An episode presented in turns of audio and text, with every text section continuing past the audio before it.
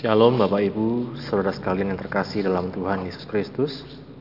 Secara khusus Jemaat Gereja Pantai Kusta Gunung Hermon, apa kabar semuanya? Saya percaya kita berada dalam keadaan yang baik-baik, sehat, aman dalam perlindungan Tuhan. Mari Bapak Ibu, saudara sekalian, kita akan sama-sama merenungkan kebenaran firman Tuhan. Kita sama-sama berdoa. Bapa, terima kasih Tuhan untuk kesempatan yang kau berikan pada kami. Saat ini Tuhan, kami akan belajar dari firman-Mu. Kami akan merenungkan Tuhan, firman-Mu Tuhan. Dan biarlah Engkau yang buka setiap hati kami Tuhan. Untuk kami dapat menangkap kebenaran firman-Mu Tuhan. Dan membukakan kami Tuhan untuk menjadi pelaku-pelaku firman-Mu. Roh Kudus, Engkau yang bukakan mata hati kami. Dan Engkau yang menguatkan kami. Dalam nama Kristus Yesus Tuhan, kami berdoa haleluya. Amin. Ya. Bapak Ibu Saudara sekalian, kita akan sama-sama belajar dari firman Tuhan. Bila beberapa waktu yang lalu kita sudah memperingati hari kenaikan Tuhan Yesus Kristus ke surga dan di hari Minggu nanti kita akan memperingati hari turunnya Roh Kudus atau hari Pentakosta ya. Nah, Bapak Ibu Saudara sekalian, sore hari ini kita belajar sikap hati saat menanti janji. Kita buka bersama-sama di dalam kisah para rasul pasal 1 ayat yang keempat. Demikian bunyi firman Tuhan. Pada suatu hari, ketika ia makan bersama-sama dengan mereka, ia melarang mereka meninggalkan Yerusalem dan menyuruh mereka tinggal di situ menantikan janji Bapa yang demikian katanya. Telah kamu dengar daripadaku, sebab Yohanes membaptis dengan air, tetapi tidak lama lagi kamu akan dibaptis dengan Roh Kudus. Ya. Berbahagia setiap kita yang baca, mendengar, merenungkan, dan yang melakukan firman Tuhan. Bapak Ibu Saudara sekalian, dikatakan ketika Tuhan Yesus masih berada bersama dengan para muridnya, dia memberikan satu uh, pesan, ya. Dikatakan ia melarang mereka meninggalkan Yerusalem dan menyuruh mereka tinggal di situ menantikan janji Bapa. Ya. Ini yang akan kita bahas Bapak Ibu Saudara sekalian. Bagaimana sikap hati kita saat kita menantikan janji Bapa. Ya. Di dalam konteks yang kita lihat di dalam kisah para rasul ini adalah ketika para murid menantikan janji Bapa untuk memberikan Roh Kudus, mencurahkan Roh Kudus kepada setiap para murid untuk menyertai setiap kehidupan mereka. Ya. Bapak Ibu saudara sekalian, kalau kita melihat di sini sering kali Bapak Ibu untuk menanti itu merupakan satu hal yang tidak mudah. Ya. Kita mengerti bahwa waktu Tuhan adalah waktu yang terbaik, ya, seperti yang kita dengarkan pada PA Kamis yang lalu. Ya. Dan di saat kita harus menantikan di saat kita harus mengerti waktu Tuhan itu sering kali kita harus menanti. Ya. Kita harus mengalami satu masa penantian. Ya. Nah ini Bapak Ibu kita belajar bagaimana di dalam kehidupan para murid. Ya. Apa sikap hati mereka saat mereka menanti. Ya.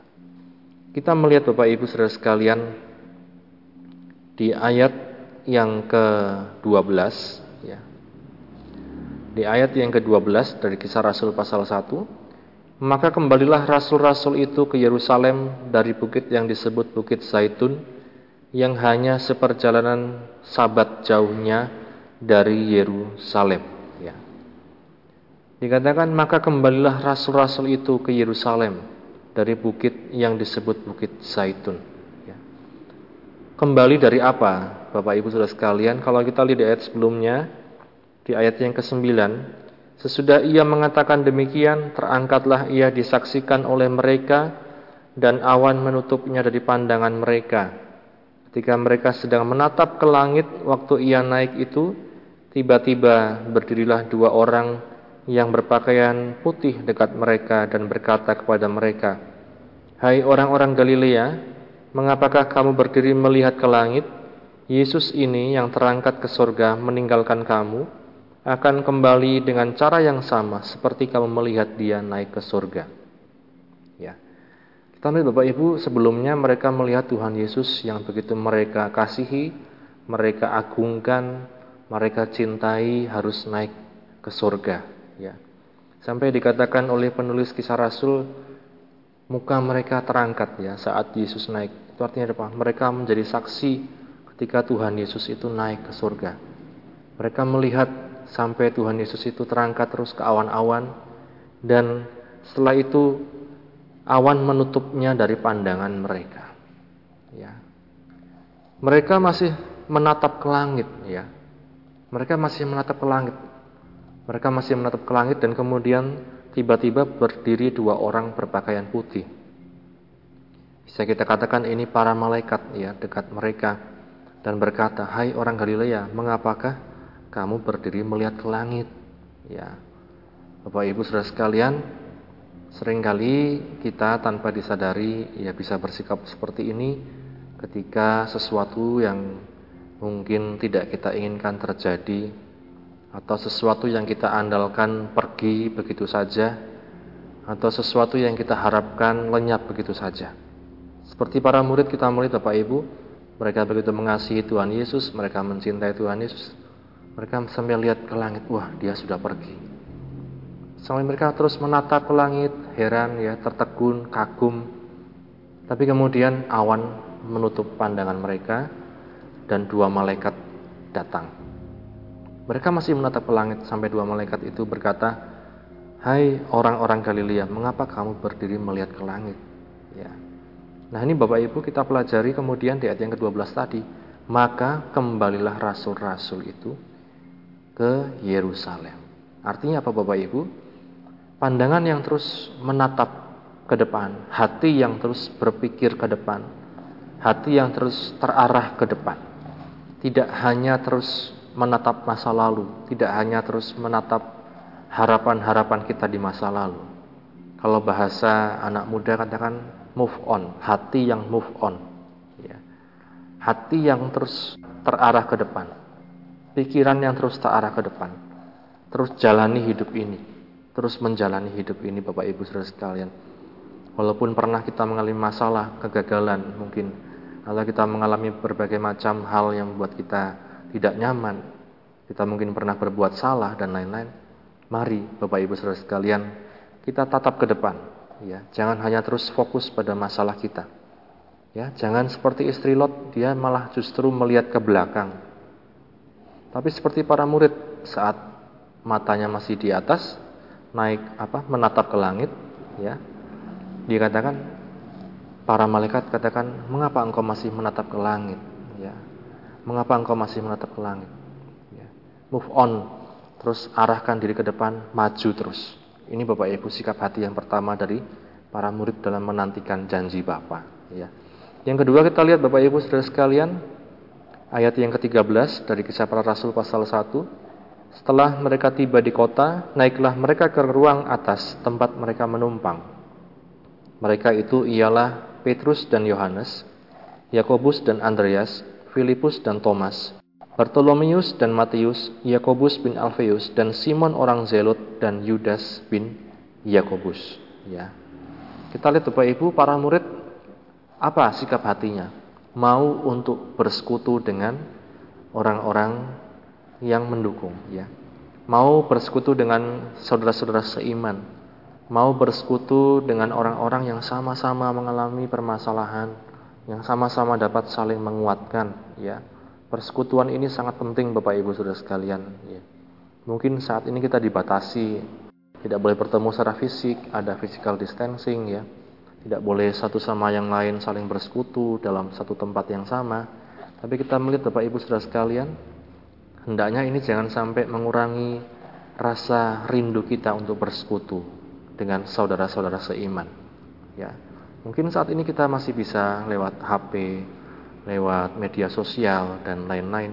Manfaatkan hal tersebut untuk menyapa saudara-saudara seiman kita, untuk saling menguatkan, untuk saling mendoakan bersama dengan saudara-saudara seiman kita. Penting sekali Bapak Ibu untuk kita bersama-sama bersekutu dengan orang-orang yang tepat orang-orang yang mendukung, orang-orang yang seiman dengan kita, yang saling mendukung, yang dapat menguatkan kita dan kita juga di sisi lain juga dapat menguatkan mereka. Ini Bapak Ibu.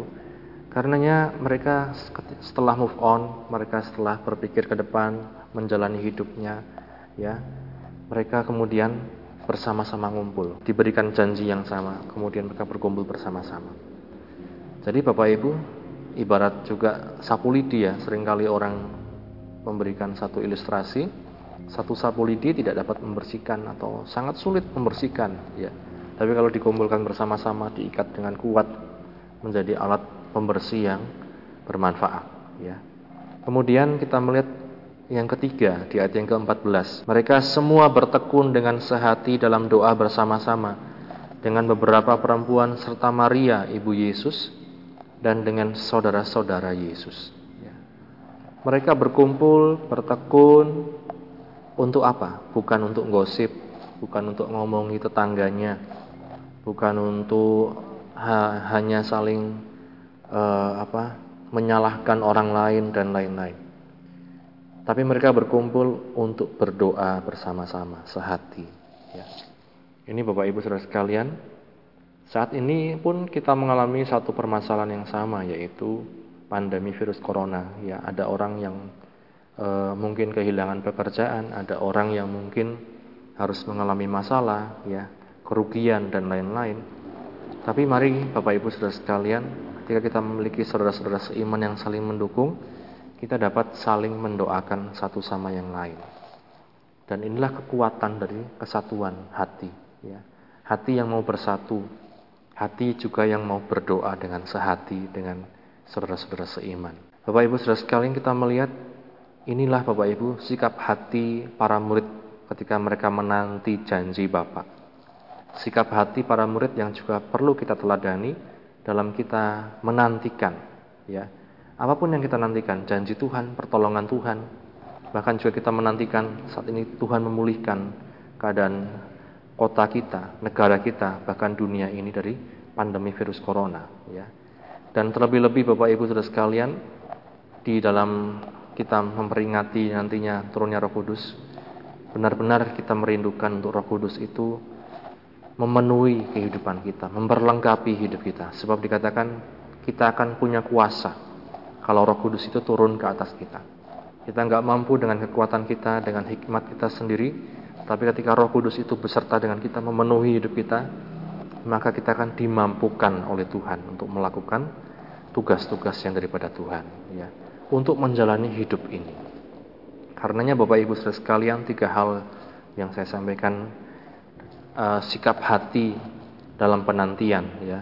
Pertama adalah maju terus jalani hidup move on ya. Yang kedua adalah mau untuk bersekutu dengan saudara-saudara seiman dengan orang-orang yang mendukung kita. Yang ketiga adalah sehati berdoa, hati yang mau berdoa. Karena Bapak Ibu, biarlah firman Tuhan ini memberikan kekuatan kepada kita sekalian dalam proses kita menanti, bukan masalah seperti apa yang akan kita dapatkan setelah penantian ya sering kali. Tapi yang menjadi masalah adalah seperti apa saat kita masih berada di dalam proses penantian ini. Apakah kita akan menjadi orang yang sabar? Apakah kita menjadi orang yang pemarah? Orang yang protes dengan Tuhan? Kita menjadi orang yang menyalahkan orang lain? ataukah kita akan belajar untuk terus berpikir ke depan ya terus belajar bersekutu dengan saudara-saudara seiman karena kita merasa tidak mampu sendiri yang ketiga kita mau berdoa bertekun dalam doa. Bukan hanya berdoa dikatakan firman Tuhan tapi bertekun sehati berdoa. Amin. Firman Tuhan untuk saat hari ini sama-sama kita berdoa. Bapak Surgawi terima kasih untuk firman Tuhan. Engkau yang mengoreksi setiap kami Tuhan. Kau yang menguatkan setiap kami Tuhan, agar sikap hati kami Tuhan dalam penantian ini Tuhan, selalu Tuhan adalah sikap hati yang benar di hadapan-Mu ya Tuhan. Agar kami terus berpikir ke depan, menjalani hidup ini Tuhan, agar kami terus mau bersekutu dengan saudara-saudara seiman Tuhan, dan agar kami terus mau bertekun dalam doa Tuhan. Kuatkan setiap anak-anakmu Tuhan, setiap jemaatmu Tuhan dalam proses penantian, apa pun yang mereka nantikan ya Tuhan. Kau yang menguatkan kami ya Roh Kudus, dan Engkau yang berikan kami kuasa untuk menjadi saksimu. Terima kasih Bapak, terima kasih. Ini doa kami. Kami bersyukur dalam nama Kristus Yesus Tuhan yang berdoa. Haleluya. Amin. Terima kasih Bapak Ibu Saudara sekalian. Tuhan Yesus memberkati.